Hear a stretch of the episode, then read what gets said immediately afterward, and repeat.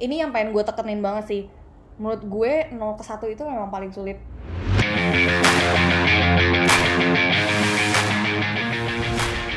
Hai, gue Dara. Aku Ami. Dan ada Ugi di sini. Dan kalian lagi dengerin Podcast podcast, Science Sporty. Kupas tuntas. Mental. Olahraga. Oke, nggak kerasa ya sob. Sekarang udah bulan Juli. Oh my god, udah akhir Juli. Udah ceritanya sih new normal ya. Ceritanya, walaupun katanya sih mau dibalikin lagi tuh PSBB kalau Jakarta. Nah, eh, ngomong-ngomong PSBB dan new normal, nanya dong kalau kalian udah mulai olahraga lagi belum sob? Atau masih jadi kaum rebahan aja? Kalau Mbak Ami sama Uge gimana nih? Sedikit-sedikit lah olahraga eh.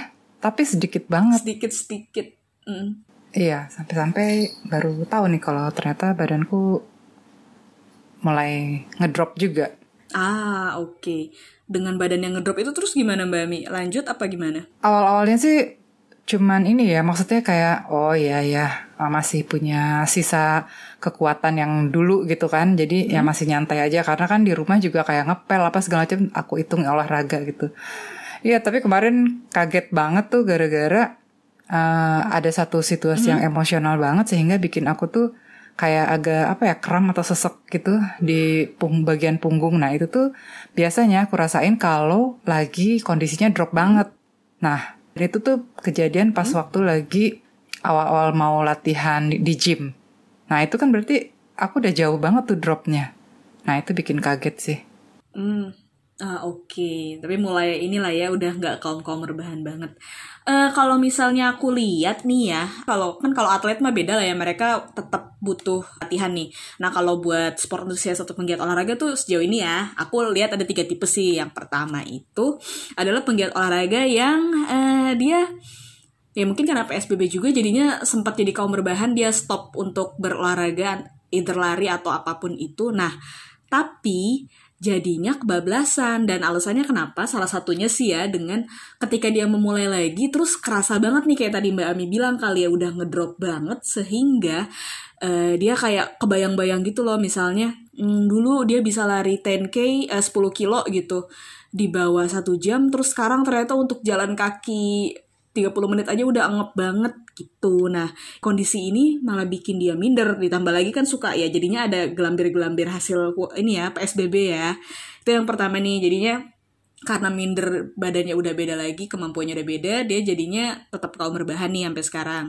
Nah, kalau yang kedua, ada juga yang saking keselnya gitu, karena udah ngedrop dia jadinya eh, nge-push banget dirinya. Jadi kayak langsung jebret maksain eh, ngangkat beban yang kayak dulu lagi atau misal lari tetap langsung cepet lagi nah hasilnya apa? Jadinya malah ngedown dalam artian ya overtraining dong gitu. Misalnya dia nggak apa udah lama nggak olahraga balik olahraga dipaksain jebret akhirnya malah ya itu resiko cederanya makin gede mbak. Itu yang tipe kedua nih kalau yang ekstrimnya banget sih.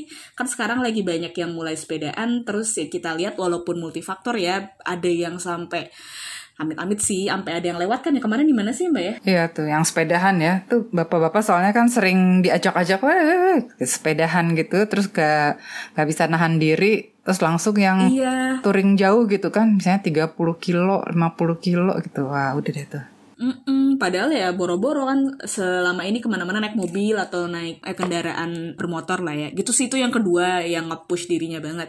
Nah yang aku lihat ada juga yang ketiga nih orang-orang yang dia hmm, oke dia sadar bahwa udah turun atau udah ngedown beda kondisinya dari zaman-zaman sebelum corona.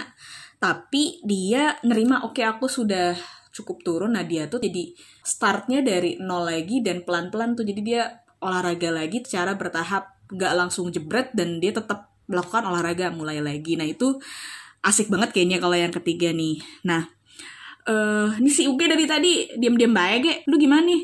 Dia rebahan nih kayaknya nih. Enggak gue yakin dia lagi refleksi. Lo yang masuk mana Ge? satu dua atau tiga? Hai, sorry gue baru masuk. yes, Eh, gue sejujurnya gue nggak tahu sih ya gue tuh s- masuk di bagian mana karena gue ngerasa gue lagi ada di tiga tiganya gitu. Kayak mungkin kalau hari Minggu gue ada di nomor satu masuk ke sobi-sobi rebahan juga. Tapi gue pernah banget juga sih ngerasain yang kedua ini. Jadi kayak eh, waktu itu gue nggak tahu apa karena base nya gue orangnya sangat-sangat kompetitif jadi kayak gue sering banget lihat di sosmed gue teman-teman gue semuanya pas lagi quarantine kayak gini pada olahraga badannya jadi lebih bagus terus gue ya udah gue ngeliatin badan gue sendiri aja gue kayak gila orang-orang kok pada bohai-bohai terus gue malah jadi membuntel gitu kayak gue pusing gue nggak tahu. Nah tapi di sisi lain eh, setelah gue mikir kayak gitu gue jadi malah mikirnya kayak oh ya udah eh, daripada gue ngeliatin mereka kenapa nggak gue mulai coba aja gitu? Terus ya udah gue mulai coba pelan-pelan sih kayak awalnya bermula dari jemuran dulu kali ya. Bermula dari jemuran di beranda Oke oke. Nah, kan masa quarantine ini kan banyak banget ya orang jemuran. Gue ngerasa ya mungkin gue memang harus jemuran kali ya biar ya biar lebih bagus juga kulit gue mungkin. Dan gue tuh suka banget panas, gue kangen banget panas. Jadi kayak udah gue bangun pagi gue jemuran. Ya mungkin gue berawal dari eh, gue pemanasan dulu, habis itu gue mulai olahraga kecil-kecil sih. Terus ya udah kayak tiba-tiba gue juga kepikiran instead of gue ngebandingin diri gue sama orang-orang yang gue lihat di sosmed gue jadi ngebandingin sama diri gue kayak kayak gue pernah ngerjain latihan ini deh dulu. Kok gue baru segini aja udah ngos-ngosan ya? Kayaknya dulu gue masih nanti gitu ngos-ngosannya. Ya gue kurang lebih kayak gitu sih. Ya gue juga tahu kenapa gue kayak gitu. Ya gue udah lama banget cuy nggak olahraga. Kayaknya sekarang uh, Uge udah jadi crispy nih Dar. Jemuran Crispy. terus kerja. Eh, gue nanya dong kan lo tadi mulai lo bilang bahwa lo keinget dulu latihan ini terus sekarang nggak kuat. Yang lo kebayang tuh lebih ke arah kemampuan lo atau tampilan tubuh sih? Kayak kalau gue keliat lebih merhatiin ke sisi appearance. Kalau lo gimana? Kalau gue mungkin tergantung kondisinya kali ya. Pas sebelum gue mulai olahraganya, gue ngeliatnya appearance gue kayak ini kok tangan gue gedean ya daripada dulu. Sem- Sembari gue ngeliat foto gue zaman dulu gitu misalnya. Atau ih kok eh, perut gue gedean ya gitu. Tapi pas gue mulai olahraganya, nggak tahu ya gue kan aneh ya. Gue tuh kalau lagi olahraga kayak pas gue capek, pokoknya gimana sih gue harus selesai. Yaudah gue harus ngebayangin yang lain. Jadi kayak fokus gue tuh harus nggak kecapeknya gue gitu. Nah fokus gue malah kayak ke dulu-dulu kayak ya masa lalu gue pas gue lagi aktif-aktifnya kayak hah kok misalnya misalnya kok dulu gue sit up kayaknya gue bisa ah kayak gue baru capek pas nyampe di 50 gitu misalnya. Tapi kok sekarang baru 20 aja gue udah yang sakit banget perut gue Pas waktu tahu kayak gitu panik gitu. gimana ya? Lebih kayak wah berarti gue harus latihan lagi sih nih kalau ini mau kayak kemarin. Ya aku pun waktu kemarin sadar kayak gitu tuh uh, hampir jadi yang tipe 2 ya. Tiba-tiba misalnya aduh besok kayaknya harus lari 5 km gitu kan. Padahal kemarin-kemarin tuh satu kilo aja udah kayaknya udah cukup nih berkeringat oke. lucu-lucu gitu. Nah untungnya tuh uh, pas waktu lagi punya pikiran kayak gitu aku menghubungi PT aku nih. Iya, nah dialah yang menas- menasehati untuk uh, apa pelan-pelan dulu. Maksudnya yang sekarang kayak gimana, nanti dibikinin program tuh untuk ngejar sampai performance yang diinginkan atau kondisi yang diinginkan gitu. Paling enggak tuh yang nggak kayak apa sesak napas yang aku rasain kayak gitu tadi. Nah, dengan begitu kan jadinya program latihannya jadi berubah gitu. Kayak kemarin aku nanya gimana nih apa saya harus ini angkat-angkat beban lagi gitu Oh, kan? Nggak oke. usah Bu, dia bilang pakai TRX aja dulu, dia bilang gitu kan. Nah, itu kan berarti beda tuh programnya. Berarti memang perlu untuk memulai dulu ya dari satu titik gitu karena kalau gue tadi dengar ceritanya Uge ceritanya Mbak Ami juga kalau misalnya dibiarin terus gitu misalnya kayak tadi kan tahap awal yang Uge cerita adalah ngebandingin appearance mulu ya ada yang apa badan jadi lebih gede segala macem terus kalau misalnya nggak ngelakuin sesuatu ya ujung-ujung akan semakin numpuk gak sih PR-nya Iya, tadinya cuman harus ngilangin nastar aja ya. Sekarang ya ampun ada nastar, ada cheesecake, ini ada iya krempeyek. Hmm, nah, nambah-nambah ya. Oke, eh, berarti kayak kita tuh dikejar-kejar sama bayang-bayang masa lalu lah diri sendiri. Nah, ini kayak gimana kalau misalnya menurut Mbak Mi, eh, kok bisa jadi kayak gitu dan orang-orang ya jadi seminder itu? Penyebabnya apa ya? Banyak macam sih kayaknya yang nyebabin ya. Misalnya di kepala kita tuh kan emang kita dulu lagi fit banget. Nah itu jadinya bikin kita selalu ngebandingin sama kondisi yang dulu-dulu gitu. Terus juga ngebandingin orang lain. Kan sekarang banyak tuh influencer di olahraga ya.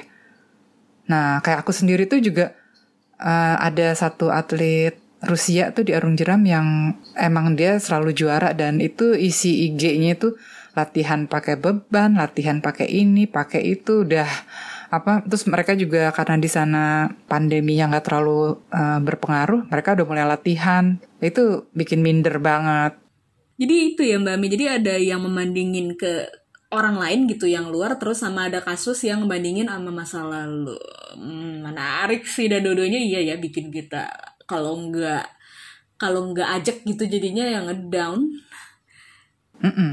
oke okay. Tadi uh, ngomong-ngomong Mbak Ami sempat nyebut juga kan ya tentang ngebandingin diri kita sama orang lain nih. Nah pas banget nih kemarin nih gue sempat baca ada salah satu tokoh psikologi namanya Carl, Carl Rogers dia itu uh, humanistic psychology yang dia tuh juga ngeluarin uh, beberapa teori-teori humanistik maupun positif psychology gitu. Nah, salah satunya dia itu ngeluarin ada yang namanya ideal self dan actual self atau actual self ini bisa disebut juga dengan real self sih. Nah, ideal self itu apaan? Ideal self itu seseorang yang lo pengen banget menjadi seseorang itu. Kayak gitu. Nah, sedangkan kalau real self itu ya udah the person you actually are. Ya saat ini lo tuh kayak gimana orangnya. Itu real self atau itu actual self. Namanya dia juga actual kan ya berarti saat ini lo kayak gimana? Nah real self dan ideal self ini ini tuh bisa berubah-ubah gitu. Kayak kan tadi ideal self gue bilang lo pengen jadi seseorang yang lo inginkan gitu. Ya bisa aja gitu. Kalau misalkan gue sekarang gue pengen jadi atlet Rusia terus misalkan tiga bulan lagi gue pengen jadi atlet renang gitu kan bisa aja gitu beda-beda. Even real self pun juga bisa beda-beda gitu. Kayak setiap hari lo belajar setiap hari lo berkembang kan nggak mungkin lo mentok di situ-situ aja. Jadi ya sering berjalannya waktu itu semua berpengaruh sih sebenarnya. Kayak gitu. Hmm. Oke, berarti kalau misalnya dibalik, eh, kalau misalnya gue dengar ceritanya UG, si ideal self ini bisa berupa role model kayak sosial apa, bisa berupa influencer, bisa berupa atlet, atau ya tadi kalau kasusnya tadi adalah bisa ke diri kita di masa lalu ya. Jadi ya uh, misalnya waktu UG lagi aktif-aktifnya itu kan ideal self lo berarti dan itu bebas banget lo yang nentuin kan karena bisa dibeda-bedain eh bisa berganti-ganti. Hmm, oke okay, yang gue tangkep lagi misalnya lo pengen jadi diri lo di masa lalu nih. Berarti lo punya patokan kan UG yang dulu tuh kayak gini badannya bisa macem-macem Terus lo bandingin sama diri lo yang sekarang. Nah, semakin itu berjarak, itu yang bikin lo makin minder, bikin gak nyaman, gak pede. Dan ya kalau lo nggak bisa menghandle itu dengan baik jadinya ya kasus-kasus ekstrimnya sih ya jadi diet yang tidak sehat atau olahraganya over gitu kan. Itu yang gue tangkap sih.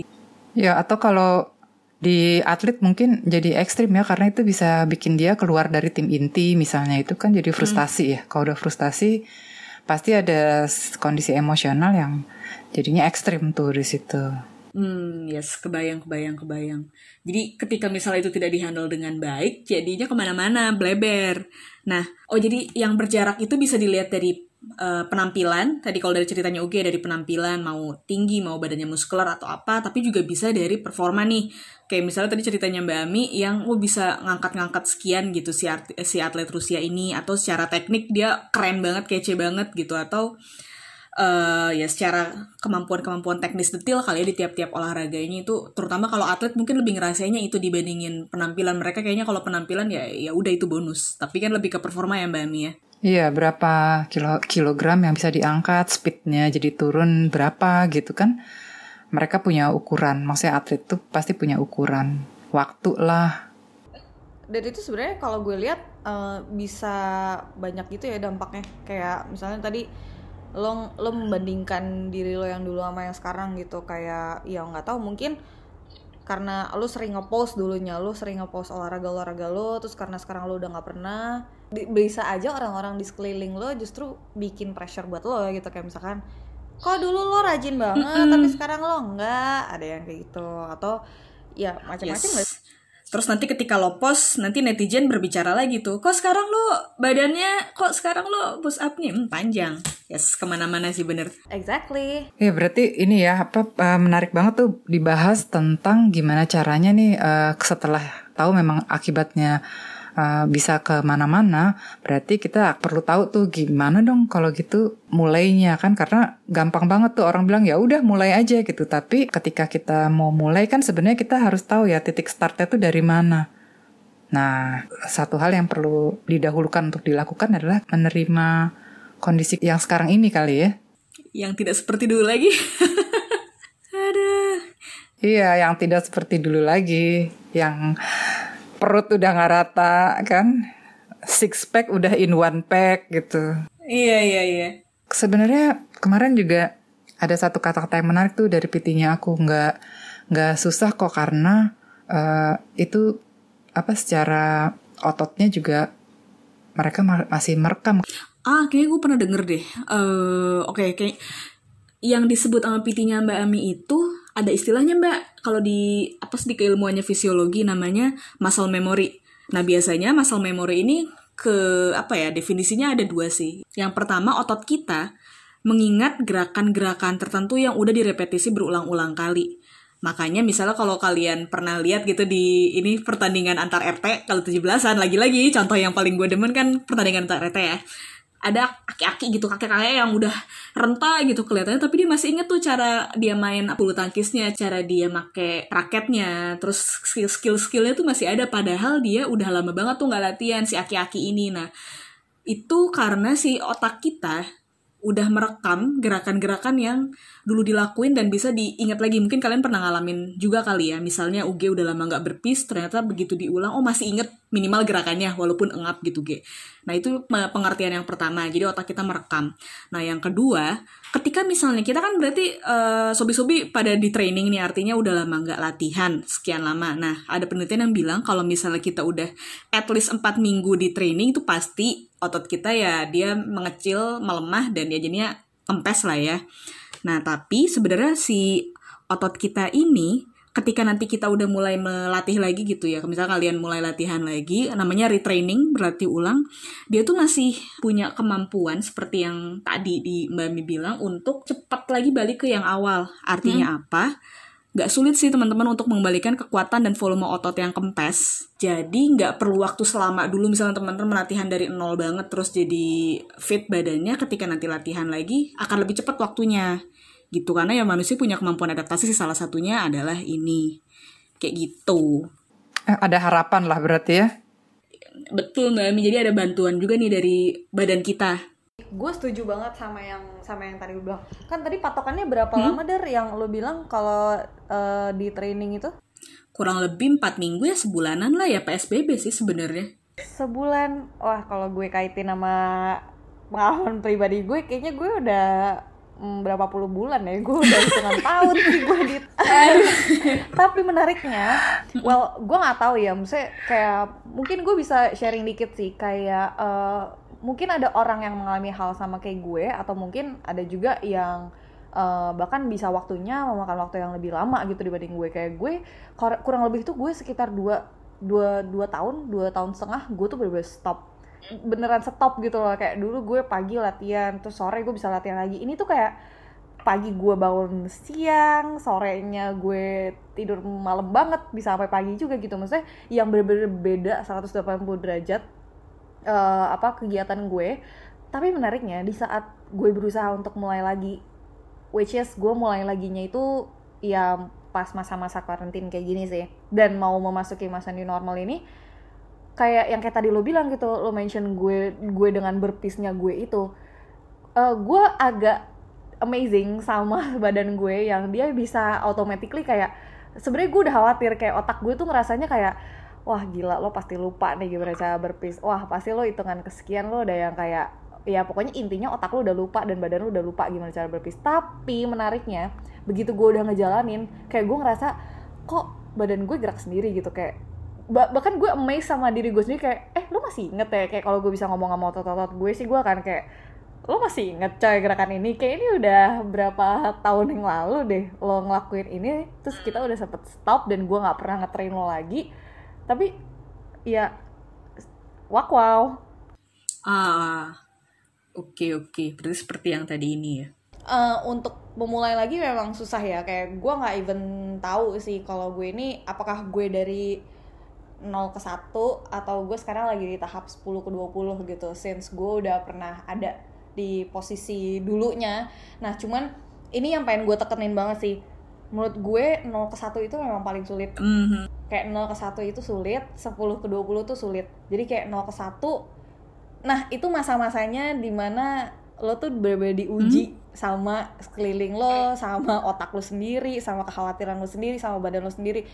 Itu sulit banget tapi lo harus ngejalanin itu sih nanti begitu lo udah melewati satu lo kedua ketiga keempat lo akan kayak ya santai lah santai. Nanti lo akan dapat lagi nih di masa-masa lo di 10 10 ke 2 10 10 ke 11 sih. 10 ke 11 tuh lo pasti akan yang kayak Berarti Duh, itu ya kok startnya ya. berat ya? Nah itu akan mulai lagi tuh rasa-rasanya kayak waktu lo ke 0 ke 1 tapi 11 12 13 14 lancar-lancar aja.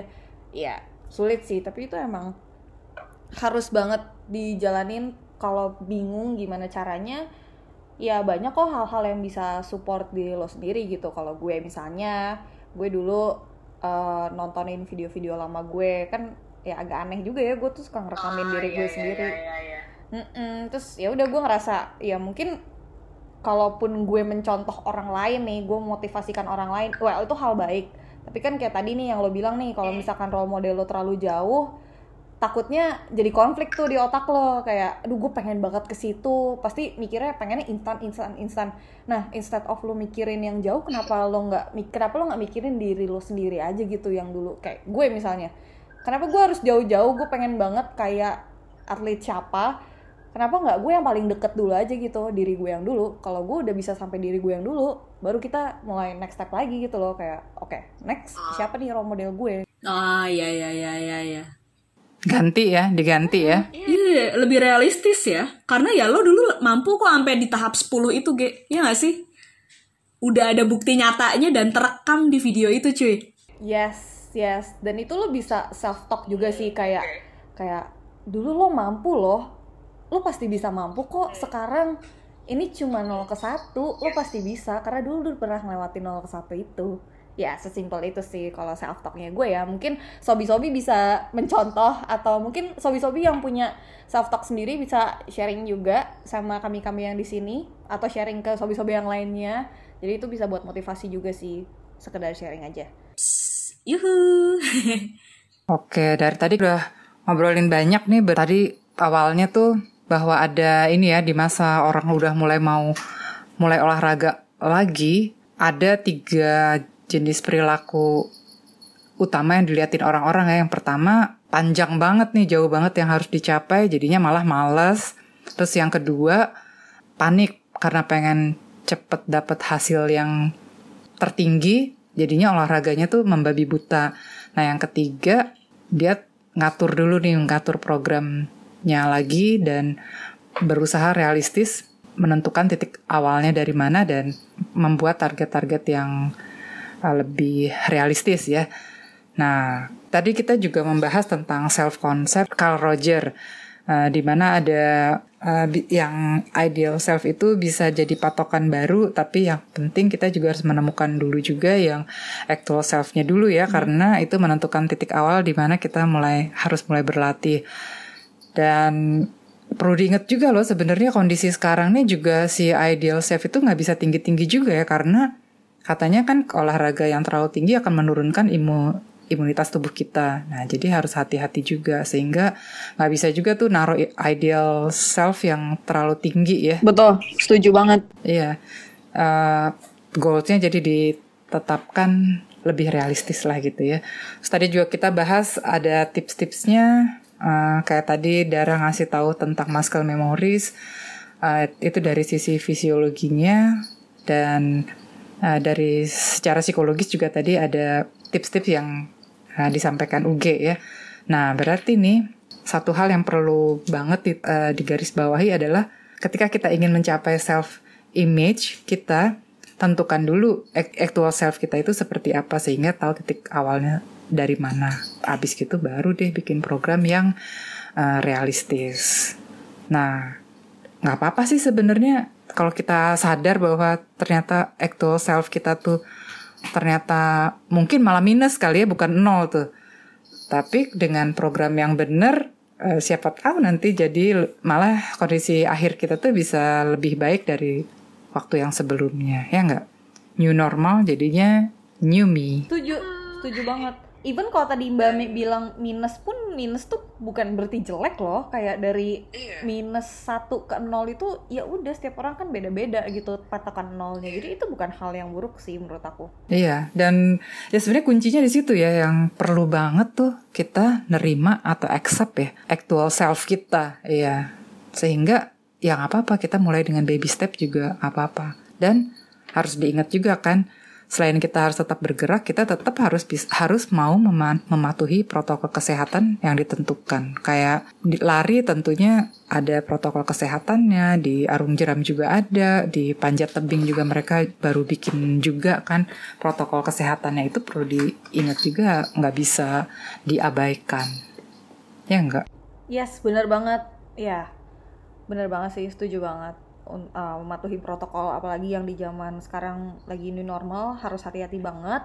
Dan bener banget kayak tadi Mbak Mi bilang sih bener-bener harus ngeidentifikasiin dulu gitu kemampuan kita tuh sampai mana. Jangan sampai nanti kita kayak yang tadi Dara bilang kita malah terlalu capek kita terlalu maksain karena terlalu excited. Eh malah hasilnya tuh jadi hal yang tidak diinginkan kayak gitu sih.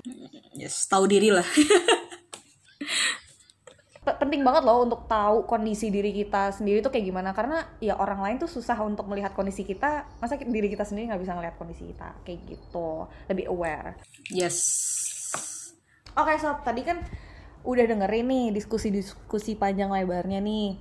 Nah gue pengen nanya sih kalau dari sobi-sobi nih kalau dari angka 1 sampai 10 untuk menuju ideal self kalian nah kalian tuh lagi di angka berapa sih sekarang Jawabannya boleh di DM langsung aja ke Instagram kami di @saisporte.id. Boleh juga di email. Atau misalnya mau nge-repost podcast ini sembari ditulis jawabannya nggak apa-apa banget. Pasti kami repost. Yes. Oh iya sumber-sumber tadi yang kami habis omongin. Tadi kan kayaknya Dara sempet ngomong tentang muscle memory ya Nah itu lo ngambil dari mana sih Dara? Ambil dari jurnalnya Adam Zur tahun 2017 dari judulnya sih The Science of the Training. How long can you take a break from the gym before you lose muscle mass, strength, and endurance? Kami juga baca-baca dari masih di buku andalan kami yang sama itu dari sumber-sumber podcast yang kemarin di Atkinson and Hillgards di Introduction to Psychology dan masih di 15th edition terus selain itu kami juga ada Jean Williams and Vicky Crane di 2015 juga bukunya itu judulnya Applied Sport Psychology. Uh, well kalau gue pribadi sih gue suka banget baca-baca di simplypsychology.org kayak gitu. Itu mm, singkat, padat, jelas buat buat sobi-sobi yang waktunya singkat untuk baca-baca tapi terlalu kepo boleh dilihat website ini. Yap, yap, yap. Dan kalau misalnya kalian ada topik-topik yang kepikiran apa gitu, lo, lo lagi ngerasain apa, fenomena yang lo lihat di sekeliling gitu. Dalam artian ya sekarang kan banyak balik lagi karena new normal kan paling ada beberapa hal yang baru kalian rasain atau yang terjadi nih yang happening banget. Nah boleh banget nih kalau misalnya ada ya tolong kirim email aja atau di DM dia Instagram tadi. Biar bisa kita bahas ya.